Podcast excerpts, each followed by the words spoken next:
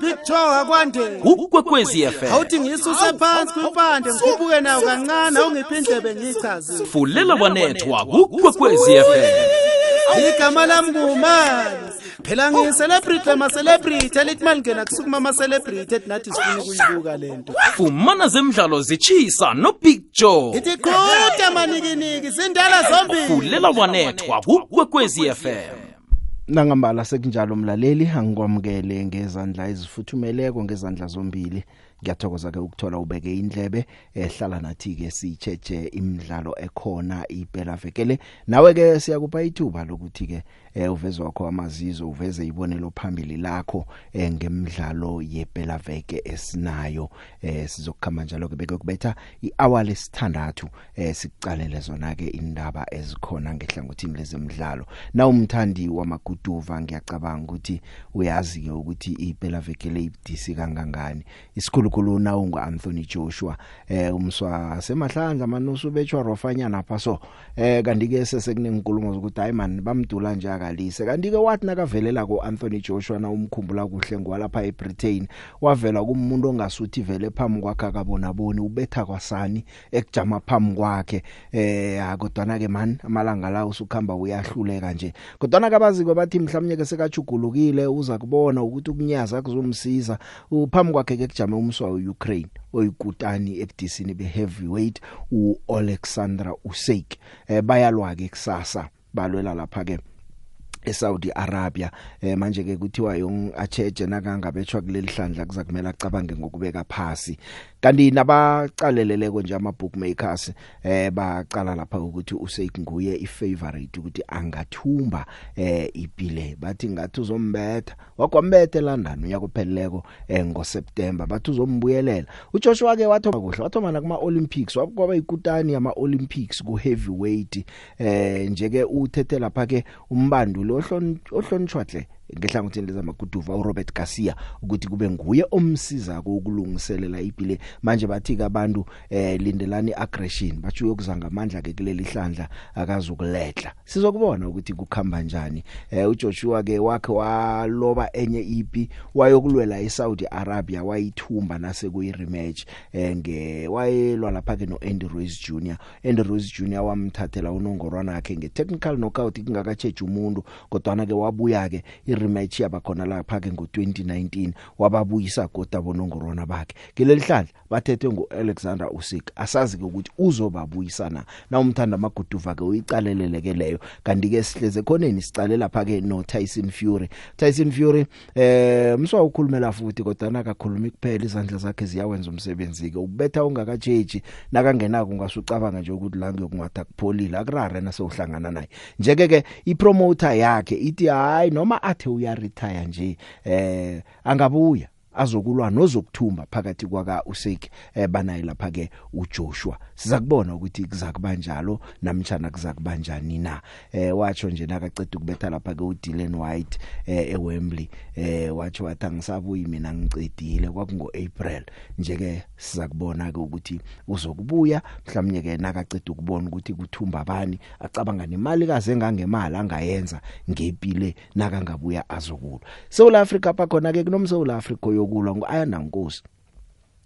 angazi kwenzekani ngakuleli hlangothi uyokuvikela unongorwana wakhe kokuthoma solamthumba ngo-2019 2019 2020 2021 2022 khona yokuvikela unongorwana wakhe kokuthoma wokuthoma we-WBF lightweight eh ulwa lapha ke nomswa wePhilippines ufi uCarlo mm. Magali uMagali lokuma rankings ake khona kuba khona kaka rankwa balwela ePulukwane balwa ngosonto eh unkosi solwa gcina ukulwa nge28 sika September 2019 athumba unongorwana wakhe eh ngomzombe wekhomba lapha bekalwa khona no Emmanuel Lopez uManuel Lopez eh ku7 rounds angasabuya wahlala phansi wathi angisabuyeli eh wathumba ke unkosi asazi ke nje ukuthi uyokusebenza njani ulwa lapha ke eh, nomagali ona 36 years eh, uphethe unongorwana we lightweight walapha eFilipino eh, siza kubona ke ukuthi kuyokukhamba njani ngoba nalapha eAsia ku Asian Boxing Federation uyikutani yakhona ejunior lightweight kodwa ke nalabathi unkosi ngasuthi uzosathumbelela siza kubona ukuthi kuyokhamba njani ngosondo lapha ePolokwane maguduva ke lezo mm. eh nangingena ngapha ngebholini ragwa kwangithome ngalezi ke sewusazi ukuthi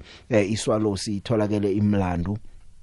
eyahlawuliswa eh, lapha ke i80000 rand eh bariyadisa ukthoma komdlalo nabe badlala lapha ke nesichema sayo iCape Town eh City kwabhalwe ku starting lineup ukuthi eh kuyokuthoma lapha ke umdlalo omunye azange kusathoma yena kwatholakala sekunokwanda ngonyama kwathi nakucalwa lapha i-team sheet abayinikele iCape Town City bathi i lwakekho la kwaba creator komdlalo kokuyinto engafuneki konke nani ikhiphe leko niyikhiphile nanenza amajuguluko bathi umnteni thina sisebenzisane eh, nabaphethe umdlalo na nesicheme sinye sinisazi sokuthi siyajugulula izinto enye into engifuna uyizwisise ke uyilalele indaba eh, nasike ebuya ku Team Sukazi we TS Galaxy Team Sukazi ke uthi mani ngichema zekhaya azicatshe ababanduli abaphethe lapha ke ama pro licenses bekakhuluma iveki le eh uvelilanaye lapha ke bazibandulela khona eh nje ke uthi mani niyabona ukuthi thina si sidla makhakhazela lapha umbanduli one UEFA Pro license utsho lapha ke uSiata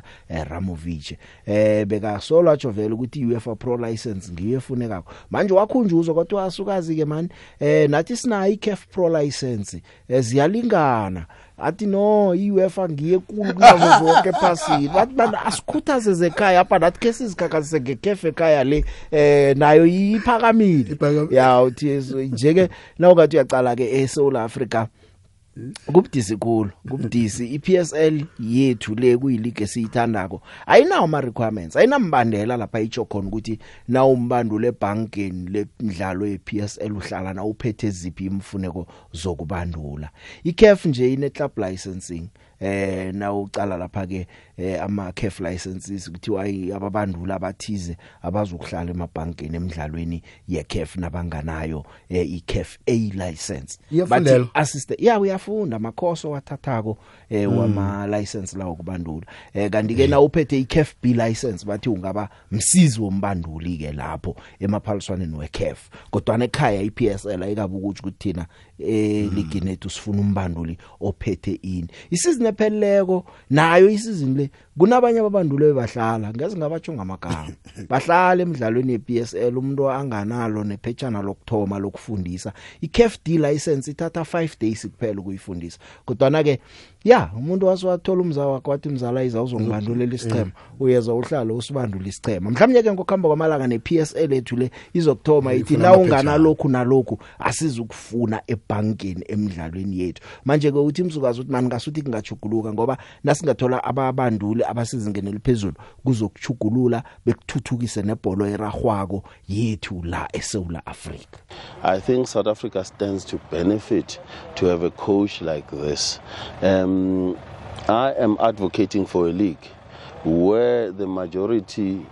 number of coaches in our league should be UEFA Pro license holders, if not the entire league. CAF Pro, let's, let's promote African. Well, look, the levels are not the same, let's be honest. But, but also Le- CAF has got a pro. Mm. Yes, they've got a pro. Look, I'm talking the highest standard of, uh, or, or coaching standard in football in the world. In the world, I'm talking Pep Guardiola standard. I'm saying in Europe, coaches are not, we can't take it away. As Africans, you know, we're still lagging behind. But but Coach Coach, Coach Pizzo has just uh, attained a CAF Pro license, and Coach Pizzo has won uh, Champions League titles. So I'm saying. Uh, yeah, and even in the, even the CAF Pro, the way it's been introduced, mm. is the, the reason why CAF delayed its programs is because they wanted to align them. So what I'm trying to say is I agree with you. Yeah. You must have a pro, mm. but let's try and promote the CAF pro. No, not it's not about discarding or, or the okay. I'm saying UEFA Pro is the highest football coaching standard in the world. I'm talking globally, not continentally. I'm sure the Afri- the, the South Americans would have their own things or whatever the case may be. I'm just setting the highest standard, you know, for our league per se. Or, as you say uh, correctly, so Velile, if it so happens that at least our league says CAF Pro it's something. Also, that if you cannot say you UEFA Pro, you know,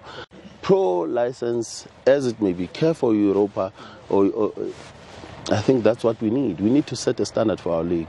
So, gents, you can see the way TS Galaxy, you know how TS Galaxy was before this uh, UEFA Pro license holding coach arrived. You now know TS Galaxy today. You can see the difference. By the way, it's the same squad. 90% of the squad is the same.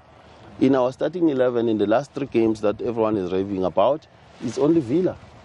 who was not with us last season. So it just shows you that if you can get the coaching, you know, to the right level and make it and prescribe it as football to say it has to be this level or nothing, our game stands to benefit So I'm advocating for the highest coaching standard really. Care for UEFA pro license, let it be so. Uthi umntu akabe ne pro license.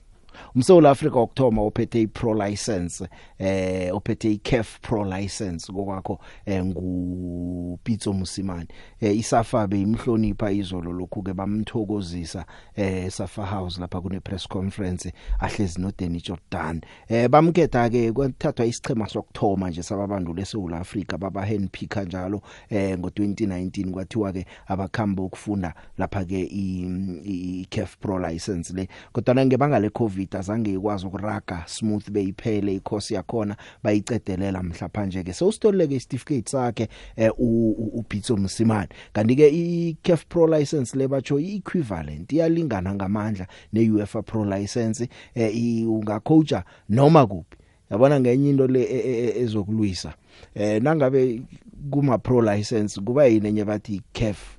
enye ibe yiUEFA ngoba ngicabanga ukuthi nawusuke eSouth Africa uthi uyokubandula ngaphetsheya umunye umbandula athi ngiphethe iUEFA Pro license wona uthi ngiphethe iCAF Pro license bokhetha muphi ah vela uqualify ngisho wena UEFA ukhona ukubona lokho nangenkulumo yeah. zakathu team sokazi ukuthi na uphethe mm. iUEFA Pro license yeah. neCAF Pro license le ngasuthi abayizwa ngathi namandla iUEFA Pro e license kodwa na ke nabachoko bathi ziyalingana angazi ke ukuthi eh nazingale nazilingana kokuba inezihluke ngamagama Pitso Msimani kuyiphethe ke eh uPitso siyazi ke ukuthi pheze uthumbe yonke into ekhona manje ongayicabanga ukuthi iyathunjwa iCAF e Champions League uyithumbe kathathu eh into ayichoko nje esalako batsho seyiAfcon asele ukuthi ngelanga yi isithumbe nakakhuluma ngama offer ukuthi akhona namtjana wekuyathi ukuthi wona khona nengichema zenaga zikhona kodwa umuntu usacalelela abone ukuthi angenza njani ke eh uPitso Msimane uthi man eh umsebenzi mkhulu iphephe lingiyalibona lona kodwa umuntu akakhulunyelwe umsebenzi wakhe Eh ngoba ungavela batsho usuliphathi iphephelo kodwa na ungasebenzi kuhle. Uthi sebenza kuhle bese nabakubuzwa dendoda ususebenza kuhle kangaka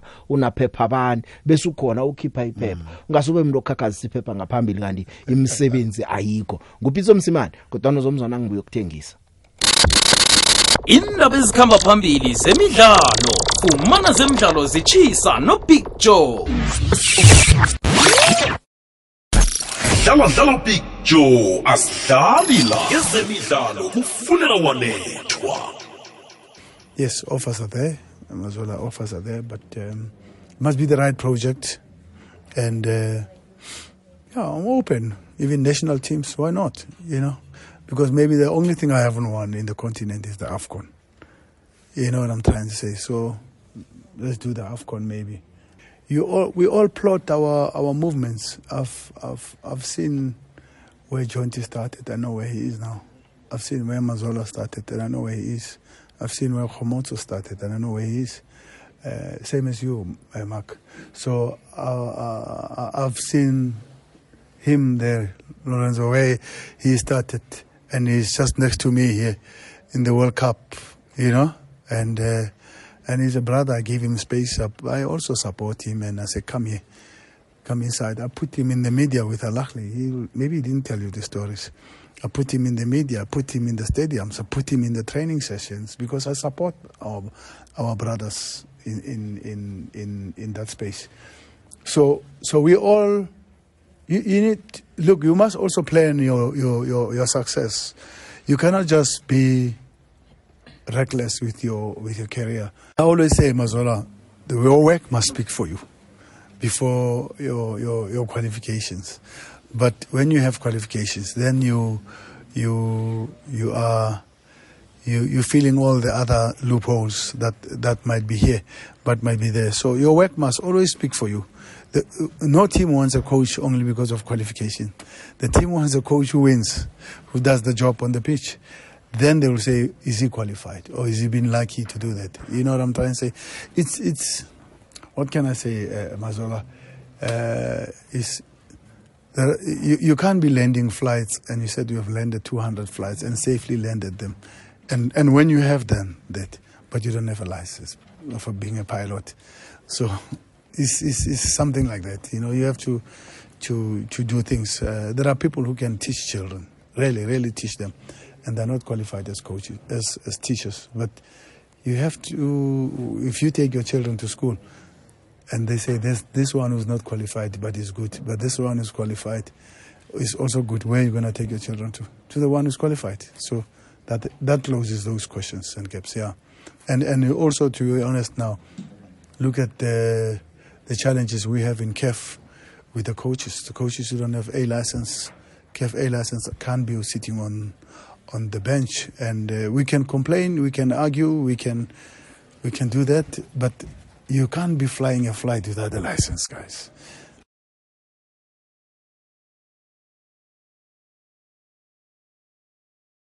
Eh the pig kunjani the pig khona khuluma mfundisi onganasonto egreen ocean al 1243 hayi the pig ngiyamuva mina team suka siyakhuluma but uyibeka kabi because so khuluma because yena unayo leyo coachile sonke lesikhathi bowangakhuluma kufana nomuntu nithi nihleli naye athi masanemfati athi hambani sasabafathi sonke lesikhathi busolangangitsheli ngoba nayibonga naye come on team sukwazi asambe baba sambe ke lokukhuluma baba sidlaleni ibhola sibukele ukuthi siyaphambili danke the big big joe big joe eh le kae na rabula le ngwako eh mo grass mary mo eh wa ngwa le bagane eh big joe nthe bolela ngi team sukazi i make sense man big team sukazi overall too much you know just because uh, team ya you know wina Ijila Sundowns wina games e two in a row monna yo a ka no ba le eh, yona lessons e kgolo di feta ka moka mo lefatsheng but still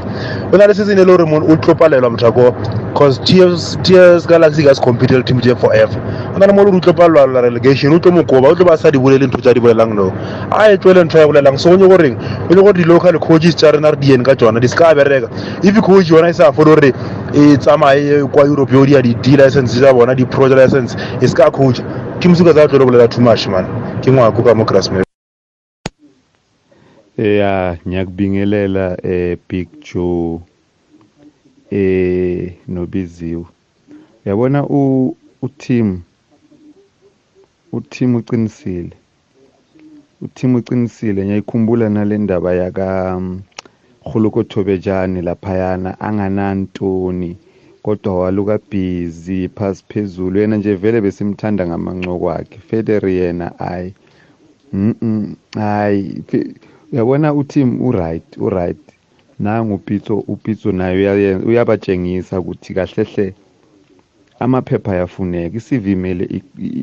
inone ibe right ukubona ukuthi ungabasa uvuthe na umlilo ngiyabonga Big Joe umabonga lo wakasidu la elidahe rustenburg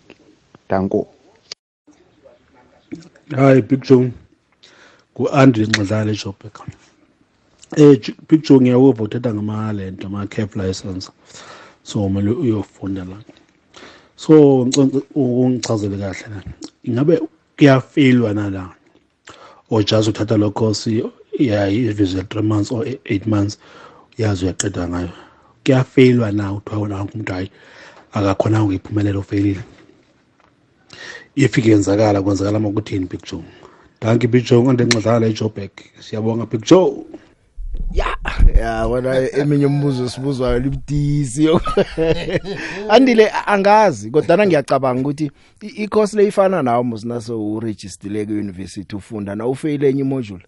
awuzokuthi ngifeyilile awuzokuthi ngifeyilile mm. ngitsho ukuba nama modules na ifeyileka awuzokuthi ngifeyilile uzokubuyela uyisupplement oyibuyelele bowuphasa na uphuma ko uthi ngiphethe idiploma am or ngiphethe idegree am or ngiphethe certificate sam asizokubuza ukuthi wake wafeyila kangaki endleleni enokhunye ah. eh mhlambe na ikufuna ufeyile kungasuyilise uyilise endleleni nabo uzositshela ukuthi mina ngakhe ngayizama ngafeyila so ngicabanga ukuthi iyafana nje nenye nenye icourse ongayifundela eh ukufeyila kumele kube khona na ungakabambi ngeke base bathi ngoba ulalele 8 months ngoba niyatestwa naniceda ukufundiswa so ngiyacabanga ukune standard sokuthi upass sekufana ne fitness test yabo sofengwana bonke bayagijima bakubekela ukuthi umuntu ugijima isikhathe ama round angaka i distance engaka ngesikhathe singaka and then nangabe ikubethile okunye okungakuphasa kuthi ufailile kumele uphase wonke ama test wakhona with theory newe practical before kuzokuthiwa ufit ukuthi ungayiphatha imidlalo isizini le uphasile njengo reef so ngiyacabanga ncedlana uphe uphendulekile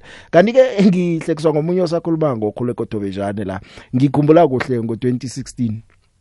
ukhuluko Thobejana atshwade yena indaba zamaphepho kubantu labazi imkari nakancane hmm. abeka namsebenzi nazo akanalo nephepha lokcoacha yena azangika attend ne course ney1 abaka plan nokuthi ngelinye ilanga attend i coaching course wathi yena wazi practicality yebhola modern i theory why kumele batho ayisikolweni eh sokubandula uthi yena ifootball is a calling for yena watsho njalo ngo2016 angazi na nje usatsho njalo na nangaba khona abanye abasatsho njalo kungase kade isystem izowakhafulela ngaphandle lihlelo fulelo wanethu umhajo igugwez FM khamba nami wena siyokuhlukana ngehour lesithandathu ngiyakhamba ngiyalapha iwomen lendaba ke sizwe zibuthelelwe zonke ehlelweni lezemidlalo ifu lemabonethwa nobi Come again.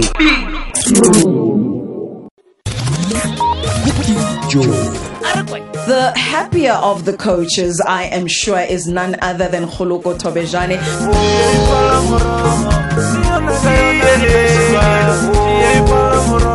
With one point, ka sepedi ba re tšee phalamorogo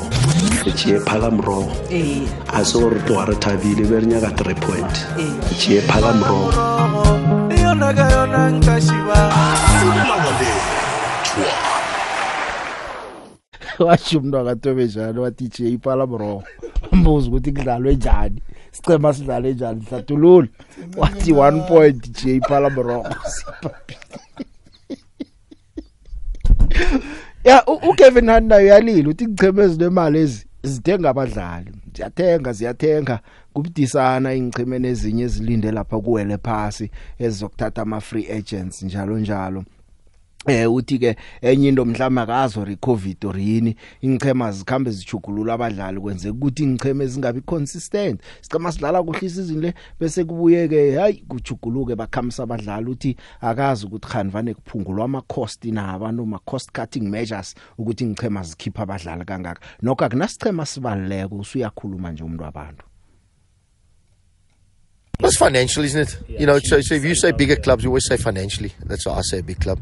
Yeah, they got support and there's history behind the club, but it's financial. It's bottom line. So you can afford to buy a player. You know, that's, that's pretty much what it's about, I think. But there's a lot of clubs that do change personnel. That's quite a big thing in South Africa. Maybe because of what's happened recently with COVID and things like that, the squads have changed, cutting costs. The thing is cutting costs, isn't it? You know, wages and things like that. So, um, yeah. But there is huge turnover in South Africa, which is sometimes worries, you know, because you're building it, because you're building, you know, you're not, there's no sort of momentum going in the right direction. You sort of, it's a lot of thumb sucking. Like you'll generally see in South Africa, you always get one team that'll take off and have a very good season. The next season they drop right off again because of changing and all those type of things, you know. ake ngiphume endabeni zangaphandle kwetata okhe ngingene ngezangaphakathi ke eh, umzombe olandelako wemidlalo yePSL uyathoma namhlanje ebusuku iswalo siyamukela amazulu eDobsonville Stadium ngo half past 7 eh isichema lesiswalo sezi lapha kunumber 8 nje bana 4 points ngemva kwemidlalo emithathu eyasazi eh, ukuthi baza kuthumba umdlalo wesibili wesizini ngamaZulu na ngoba na uthe waqala amaZulu sekathumbela lapha ke imidlalo emibili ngokulandelana eyasazi eh, ke ukuthi kuyokhama kanjani umdlalo othoma namhlanje othoma nje ngo half past 7 basebujamini besithathu bamaZulu elogweni banamaphuzu alikhomba ngemva kwemidlalo emithathu nabangathuma namhlanje awakusho ukuthi bokulala basebujameni bokthoma ngikhuluma ngamazulu kanti ke kunedabi lapha iCape Town City idlala khona ke neStellenbosch eh ngiwo komdlalo omkhulu oqalweko ke iphela vekele kanti ke umdlalo loyo eh ubonakala uza kuba budisana ngoba nawucala ku Cape Town City izinto azibakhambeli kuhle eh iStellenbosch nasina so ke eh, siya siyeza sicinile iStellenbosch le sidlala kuhle sona eh Cape Town City nephuzo lelodwa kuphela ke sizwe Steve Barker ukuthi uthini umbandulo sicima igama sesistelembosh nakakhuluma ngomdlalo wabo lo It's important for us as a club um you know we have principles that we want to apply both when in possession and you know without possession so you know we want to become a, a hard team to play against a hard team to beat um you know we we want to have good defensive organization structure um and not allow the opposition you know time and space um so it's a daily you know task of working at it um rigorously and and with a lot of detail. Um, so once you do become a team that's hard to beat, I think that lays a foundation then for you know to then go on and, and look to win football matches. So um, you know the players have responded really well uh, to our principles uh, defensively, um, and uh, you know if we can continue that, then uh, you know it'll be good for us to be at a team that's you know not easy to play against. When you have a Cape Derby and uh, you play against a team that finished second in the league last year, that uh, you know still have the same players, um, you know they've got real quality around their team. Form goes out the window uh, in derbies, and uh, obviously they're desperate to to get to winning ways. So um, you know one cannot uh, anyway look at you know the form and, and think that uh, you know it's going to be. Uh, easy match. Um, it's going to, you know, it's a new match, a new challenge for us. Um, we've got to stay grounded. Uh, and uh, we've got you know not to become complacent against a quality team like them. So uh, we've got to go there also. However, with also belief uh, based on our recent performances, that if we continue to show that consistency, you know we can get a positive result against. Them. Yeah, big Joe, big Joe. khuluma nosipho ngapha epitori mna kwethu umlandeli omkhulu we-kaizer chiefs ngiyamuzwa uthi msikazi uyamkhakhazisa umceceshi wakhe uyamkhakhazisa big john lamhla namcotshako big john asezimdula iintimi zalela ikhaya ebanganayo ama-u f um pro license layo abuye godi la emhetshweni azositshela ukuthi awa ngimkhambisile nelicense yakhe le ekulukulu leyo yabona abade nimalisela abanazo into ezo mara badlala ibhola ehle big joe yes siyamizwa ukuthi bazaloku bazithola mara angazozikhakhazisa sobhikjo singasananala singabalekela khona ngobe yiyi sekuwina amagame amayi-two uba uthi msikazi akajamenyana angakhulumeli futhi namhla namcotshako abuye egudeni la emsakazweni azozitshela ukuthi i-a license pro leyo or watwati yabo leyo yiwef ngiyayicotsha dumela dumela big joe sanibona sanibona big joe ikokwezi ehleleni efulela balandisa Big Joe uThini Sukas alright noma mhlambe eh, ungathi makayikhuluma ukukhulumela for side lakhe ngoba ule coach but amagama akhe ane point Big Joe azwakala ungathi isikhathi sokuthi ikhefu eh ikwenze lokho noma ikwenza manje sho ukuthi thina sithi you eh, are a big league la South Africa mara mawuthi ubheka kunamanye amacoach akana ama qualifications leyo ikubuza imibuzo eEurope Big Joe ngeke uhlale unganayo ikhefu license noma uphi eEurope e-europe bikujo awuhlali lapho ngana ekhethe e-uefa e-pro license bikujo so sokuyisikhathi sokuthi la e-south africa bikujo ba-introduce le nto leyo ama-coaches wethu bikujo babamotivate bahambe bofunda into yokuthi umuntu uzophatha isichema singaka abuya from europe eh, um mawuthi uyabheka akanayo i-uefa e- pro license umuntu bangakhosha amanda 14 so sonikwa i-big team si-expecta i-success akwenzeki eh, big joe kuney'khoshi singeke ngeke ngisho ngegama khona la ku-p s l bayinike one of the biggest eh, team la e-south africa ushilo naye ngowakho umlungu ukuthi yena uyacala ukukhosha ku-premier league but thina singasapota se-expecta isasex ngoba nokubhijule nto la ayenzi-ke ngiyabonga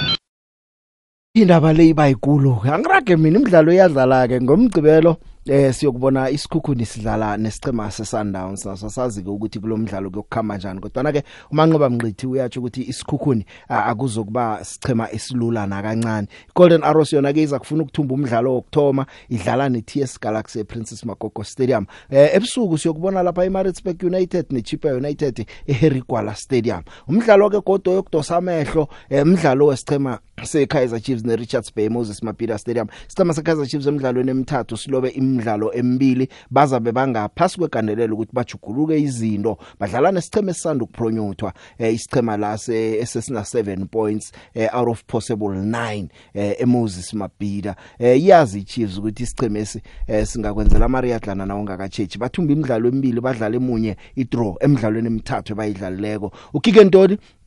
uthi batho ke eh umdlalo lo ekumele bakhombise ukuthi bona babo bani eh, njengesichema seKaizer Chiefs kanenye into ethindwa ukuthi Kick and Dolly iveke phela kona badliwa iSundowns usiyabonga ngezana eh wahlatjwa khulu balandela abanengi ngokuthi amagonda lamabili okthoma eza ngaye manje uthi man eh sisichema siloba njengesichema sithumba sisichema siyakhuluma naye ungezana eh, uza kulunga ubuye ke ukhuluma nange crowd ngoba sowubonile nje ukuthi imidlalo yokthoma le hawo man i crowd iyathembisa nokho eh abantu bayeza eh ukufikela nje eh ama sold out sesibone ngathi mabili eh ama sold out solo ke ileague leyithomile manje nakusasa lapha eMoses Mabhida kubonakala ngasithi abantu bazakuza ngobunengi Uh, they have not started very well this season. They have played very well, unfortunately. uh, in their last match against uh, Richards. I think um, there's no easy game in the PSL anymore. You know, teams are, are signing quality players. You know, um, teams are playing good football. You know, we watched Richards Bay. We know they are a good team with good individuals. You know, who, who plays possession game and um, they do it well. But for us, it's not to focus on our position. It's for us to, to focus on ourselves and you know stick to what we're good at. And I think if we go in with that mindset, we, we stand a good chance. You know, you could see against Maritzburg if we if we do our basics right and we, we, we create enough chances, we'll, we'll score goals with the with the players we have. Yeah, I think that's one of the reasons why we take some of our games to Durban. You know, knowing that we have a, a big support base. You know, and um, it's always to good for us to go there and, and perform in front of them, knowing, knowing that they come out in their numbers. And I think um, with their help, you know, and their support, um, it's for us on the pitch not to disappoint them. And I think um, going there now is just for us to focus on winning the game and, you know, getting our confidence back up. Yeah, I think it started directly after the game, you know, um, us as players, you know, the coaching staff, everyone assured him that um, it's part of the game and um, it's, it's something that he needs to learn from. and um, we were just there to, to, to, help each other. Like I said, this season it's a brotherhood. We're all in this together. We, we explained to him that um, we lose together, we win together. Um, against Maritzburg, we were all celebrating. We won 3 0. And against Sundowns, we had to take it. You know, it's, it's part of football and we, it's part of our journey. We just need to, you know, minimize those mistakes and, you know, try to create more chances and score goals. Yeah, yeah. Big Joe. tlogela go segoloko eh, tebejaana ga bolela a rene um eh, tee phala morogo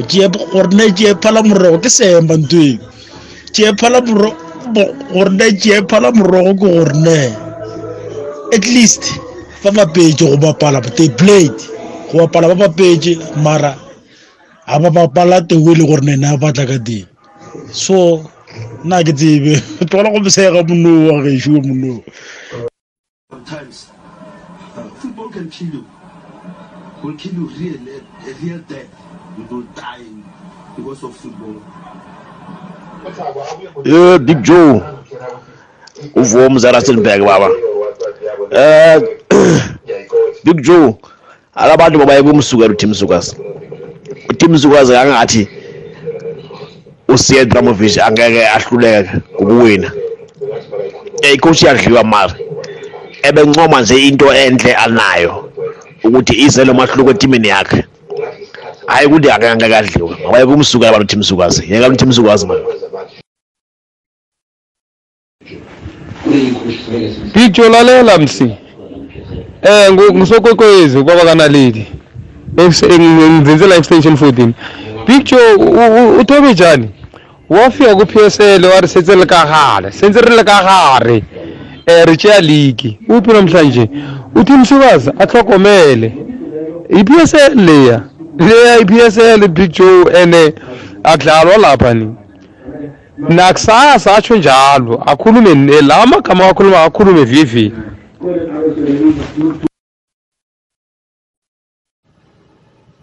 akwande big joe big joe ngiyalilotshisa ngestudio ninobiziwe nguriver ngedenelton lepiki ngiyamuzwa ubaba Tim Sukazi ngendaba yamalayisensi well lepiki kona iqiniso nalo ubaba usukazi eh iligi yekhethu i-PSL iligi e-, eseqophelweni eliphezulu kubuhlungu khulu na utholakala ukuthi nobani nobani umanangena coach anganazi impepha kodwana-ke bengeke ngize ngisho ngithi kwamele woke umuntu athole i-uefa pro license mina into bengayisho bengathi mhlawumbe ababanduli bonke be-p s l kwamele kube ne-level engena ngayo eh nawufuna ukuzokhoja ku-PSL kungamani nje kuthathwe nanoma ngubani angena ngoba iligi yethu iligi esexhophenweni eliphezulu and then ke kokugcina the big ngithanda ukuthi isichema sekhethu TS Galaxy ngisifisela ihlandla kusasa kwangathi singathumba futhi ku-Golden Arrows ngithokoze nguriver ngeDenilton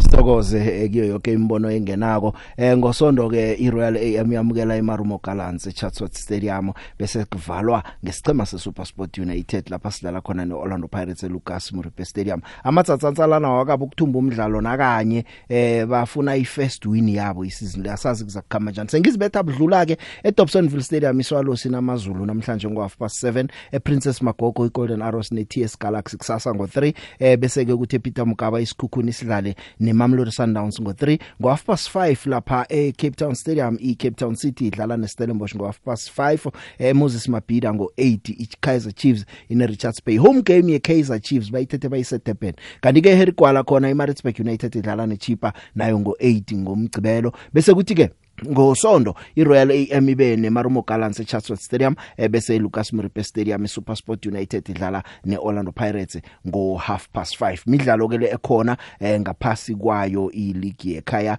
iDStv Premiership kanti akugcini lapho ke nake lamangisi eh, kuyadlalwa ke iphela vekele kuthonywa ngomgcibelo iTottenham Hotspur ineWolves eh, ngo half past 1 Leicester ineSouthampton ngo 4 Crystal Palace neAston Villa ngo 4 iEverton ineNottingham Forest ngo 4 i iFulham neBrentford ngo4 bese ke kuthi ngo half past 6 kube iBournemouth neArsenal ngosonto iLeeds neChelsea ngo3 iWest Ham neBrighton ngo3 ngo half past 5 iNewcastle neManchester City zingcema ke lezi na ungacala iManchester City yanele ukuthola abasekeli bemali eh baye benaga zama Arab lapha yavuka namhlanje izingudane iNewcastle nayo icala kona ngathi bathethe iscript seManchester City beza ngaso nabo baphetha bosomali indlela abacede ngayo isizini eh uyabona nje ukuthi nabo abanabangakajejwa labantu bazokuthwenya ngomvulo umdlalo omkhulu ngo9 ebusuku Manchester United neLiverpool angeuchiyeke sawubona ngomvulo ke lo iBayern ne iBayern Munich neBorussia Dortmund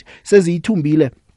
imidlalo yazo yokthoma eh yokuvulwa kweBundesliga nangicala ingcheme ezilandela ngemva bo Leipzig abo Eintracht Frankfurt nabo Bayer Leverkusen eh ukufikela nje abakuthumba nomdlalo wodwa bakhamba dobha ama draw lapha nalapha iLeipzig eh idlala neUnion Berlin engakahlulwa eh, engakabukuhlulwa kufikela nje badlala kusasa ebusuku hlezi lapha ku number 11 idlala ama draw amabili sengikutshela ngezilandela iBayern Munich neBorussia Dortmund imidlalo ke kuBundesliga namhlanje iBorussia Mönchengladbach idlala neHertha Berlin eh bese kusasa iOxburg ineMainz iWolfsburg ineSchalke iStuttgart ineFreiburg eh kuthi iBorussia Dortmund ibe neVerder Bremen iBayer Leverkusen ineHoffenheim eh kuthi iUnion Berlin ibe neLeipzig bese ke ngosonto iEintracht Frankfurt idlala lapha neCologne bese kuthi iBochum idlale lapha ke nesichema seBayern Munich leyo ke yiBundesliga ileague yalapha eGermany mina nawe ke mlalela sicoceke thumela ke ama voice note wakho na unechudo umlalela abangifuna ukutshela mala lichudo nama ngazi ukuthi edlala kongipi kodwa na lichudo na idlaleke idlala ngechudo ungadinwa ukuthumela nawe ngelanga izakuzwakala emoyeni nebemtato nebemtato ke ningathoma nidoseke eh ngale nangiceda ukuthengisa ngisoyidobha nemtato Sawubona sawubona Big Joe ukhuluma nomsongs la ngavile extension for Springs. Eh Big Joe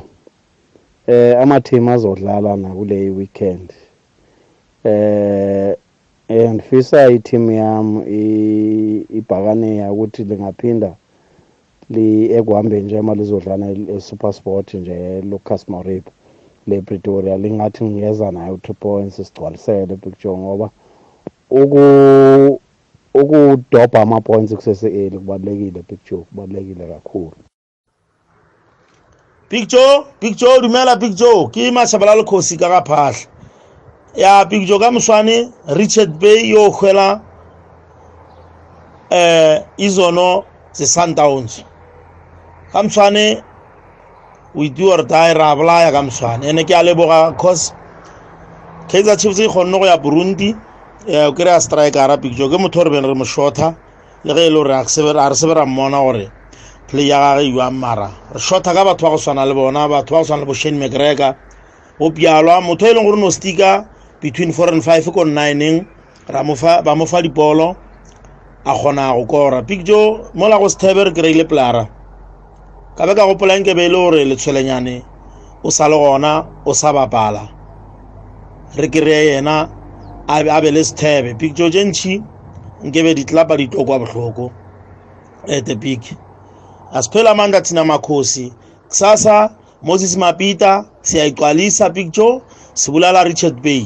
dang the big mashabalala khosi kaphahla ah picture iyathoma iveke siyobona i4 ngithi kusasa isikhukhuni united isikhukhuni united yokuthola 4 ey ayaphundwa ama province angana Premier angana team ku Premier League ngoba angeke bahone ukuyibona i4 iveke phelile besise Gauteng ivekele siyale ePolokwane sisayokuchiya i4 kuklasi boshomani istrategy kule Tefontein C thatha sandawana thatha into zonke ehlelweni lezemidlalo ifu lemawanethwa nobi come again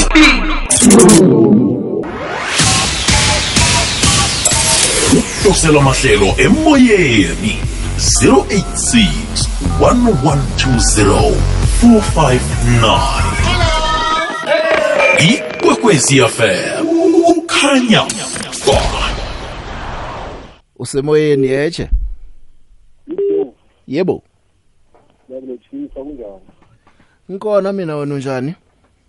Hawa nami ngikhona futhi Eh futhi ngibona manje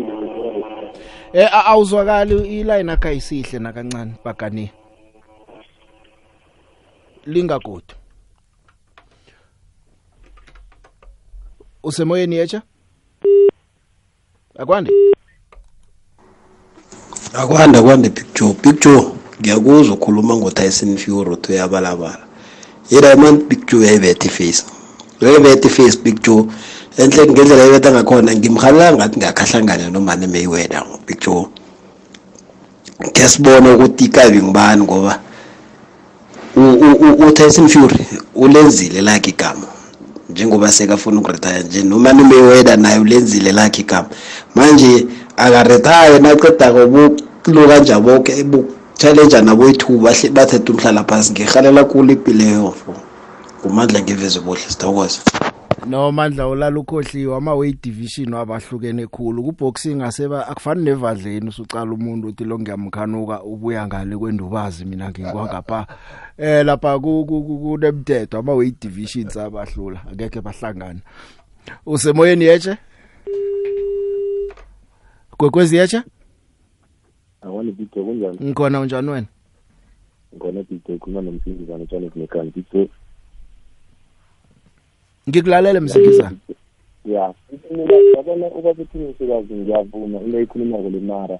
kusese elikhulu yona ngiyabona ukuthi galaxy changile ngalibhele lihle mara kusese elikhulu ukuthi akhuluma ngendlela akhuluma ngayo nje ngoba nangathi uyahlokomela vele most angithi i-seventy percent yabecoach bakhoja la iligi lekhethu malakwenza mancane abanye baba bebanawo so basuka bathathe i-assistant coach bayenze i-coach so ngiyacabanga ukuthi yena ube nelakho ukuthola i-coach ophethe iy'ncwadi ezifana nalezi um i-coach aziphetheyo mara mzabe sitaraha ngoba sikhuluma nje ivarokha yikho nje kanje ngenxa yokuthi iholede yakhuluma into bathi no yena utseni kwabari mara njengabe sekavumile so mdabe sitara ngithokozile uzwakele usemoyeni akwande akwande tiktok unjani hey imkhehle khehle yetshe unjani siyathokoza ngilotshisa nobiziwe umkungu akwande mhm. ngiyathokoza kade ngagcina ukhuluma nani madoda amakhulu ngisanithanda ngendlela emangazayo siyakuthanda oh, nathi khwele endabeni mkhehlekhehle iye picture mina umdlalo wakusasa ngo-three i-golden arrows ne-ts galaxy ngiyacabanga ukuthi i-ts galaxy izowuthumba ngoba nangathi uyacala ngo-twenty eighteen lesikhathi yakuma-final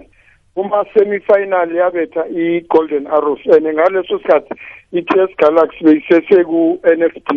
so angithi defo ngiyazi ebholweni akunadefo mara nangiqala i-history ngiyazi ukuthi umlando uyazibuyelela kusasa nakanjani i-ts galaxy izozikhambela then bese emdlalweni we-sundowns nesikhukhuni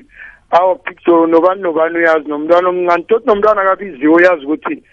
isikhukhune siyothola umutsha kusasa ene ngenzeka bathole mabili bangatholi four njengalabo abanye bezokhetheleyo uzwakela kunjalo thima nino ninobizo ngithi nihlola mnandi i put my head on the block intosela ngila kwadlawula lekhathazweni siyathokoza oh. msekhathazweni usemoyeni yetshe yijo akwande uhlule ramba manje kamnandi hayi ukhuluma nomgozo wale vaprefari ngibothiswe nomasango sithokoza eh iJoe ngimlandeli Orlando Pirates omkhulu mara ngosondraha angiyithembisi i-pirate ukuthi izokudla i-supersport united nawukhumbulako i-supersport um eh, ayinawini eyi-one manje izokuvukela phezu kwethu thina amabhakhaniya nazingagcoyiko i-pirate iyokudliwa ngiyathokoza thokoza mina ya sakhuluma ngegolden arrows eh uHledwin Shitolo ubuyele kuGolden Arrows bamsayinile godi yokudlala uMusabila Nkulu naye bambuyisele kodwa umisa uMusabila Nkulu eh bathi yokuba yiassistant coach uyabona ukuthi kubudisana sebafuna noma yini engabasiza ukuthi bakwazi ukubaleka lapha bakhona pha Yebo Big Show kunjani kunjani tata khuluma noChipa eMthatha khuluma noChipa eMthatha Hey Big Show ingathi uBheni ebenganginceda ngithathela uPhesi Tower upesitar angavuka kulaa menu angavuka kulaa menu nemenu ingavuka ime ngeenyawo picture eish andazi uba angaba sithatha apha eso sibindi ingathi angabe neso sibindi anaso akuthiwe makafuna istrayikha ayithathe laa ntwana kulaa al arha ungayibona imenu kwa upesita ungambona picture eish ingathi angenza kanjalo eish isifiso sam enkosi tata kushipha emthatha ndiyabulela mhlekazi enkosi chipa ezinye imfiso ziyafezeka sazi usemoyeni yeje akwande the big yebo the big eh mina ngisafuna ukufisela ikhe iKaizer Chiefs ukuthi man bawine ke babuse isithunzi sa seKaizer Chiefs lesiyaziyo ngiyabafisela ukuthi manayi ke bayiwini igame le Royal AM eh, um, the big siyathokoza khuluma no Joseph Makabe Albertine shojo sure, usemoyeni akwande akunamuntu akwande big joe no team so ka se ke a mutlwa borwaka but ke utlwa thata veli le mnyandu because veli le o advocatela gore ba starte pele ka caf uh, pro license if di a lekana it's okay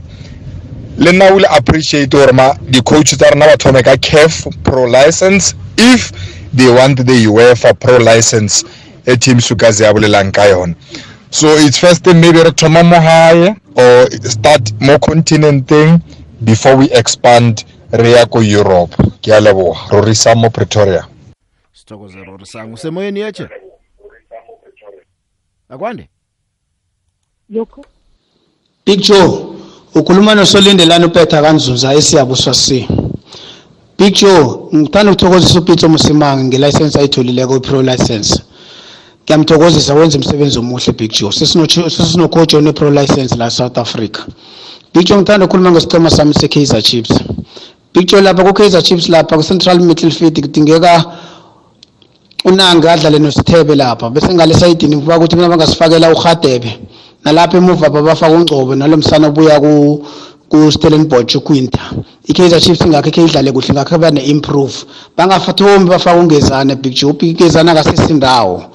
big john ngiyayithoka ngiyayithela chiefs ngathi ingadlala kuhle ivikele ithola ama-point lider sikhona ukukhuphukela phezulu khona ukuthi kube nento esiyenzako big john sesibhalela kuhlala la ngaphandla ngebanga lokuthi i-kaizer chiefs ayisebenzi kuhle ngithokozise ne-ts galaxy picture ithome kuhle khulu ithome kuhle khulu owas ithome kuhle khulu nosimanga picture ngiyabathokozisa badlala kuhle khulu nawo woke amaplay e-ts galaxy ngathi bangabamba njalo bachubeke njalo kuyitlapa ngekhethu ts galaxy akake mlaleli ngaleyo ndlela ihlelo fulela wanethwa asesilibeke khona la ndambo zonke ngizisa kusibusiso sibu kunjani jo ngikhona sibusiso njani wena hawa sikhona nathi mm iye ubenepela veke emnandi nje iphala morogo mfu ini nje iphala morogo kuyini nje no inrethe kusho ukuthi na, na uchebe ngentethe ungcono kunomuntu ochebe ngomrogo hey khona inrethe ke ke aba sichebo bathi abantwana bomuntu bahlukaniselana ihloko entethe uyabona ukuthi nangesikhethwini apha into intethe le iyatsheva mina ngathi ngatsheva ngayo wakwatsheva mm. imnandi iyadleka iyadleka mfona ulambileko abe uzokuzwa litho ukuthi udla intethe usukhothakhotha itswane elinamafutha nobraye ngawo lawo bese umrathu uyatshelela jo khambani kuhle nenrethe zenu sithokozile sahlangana iveke zakho ibe mnandi impela veke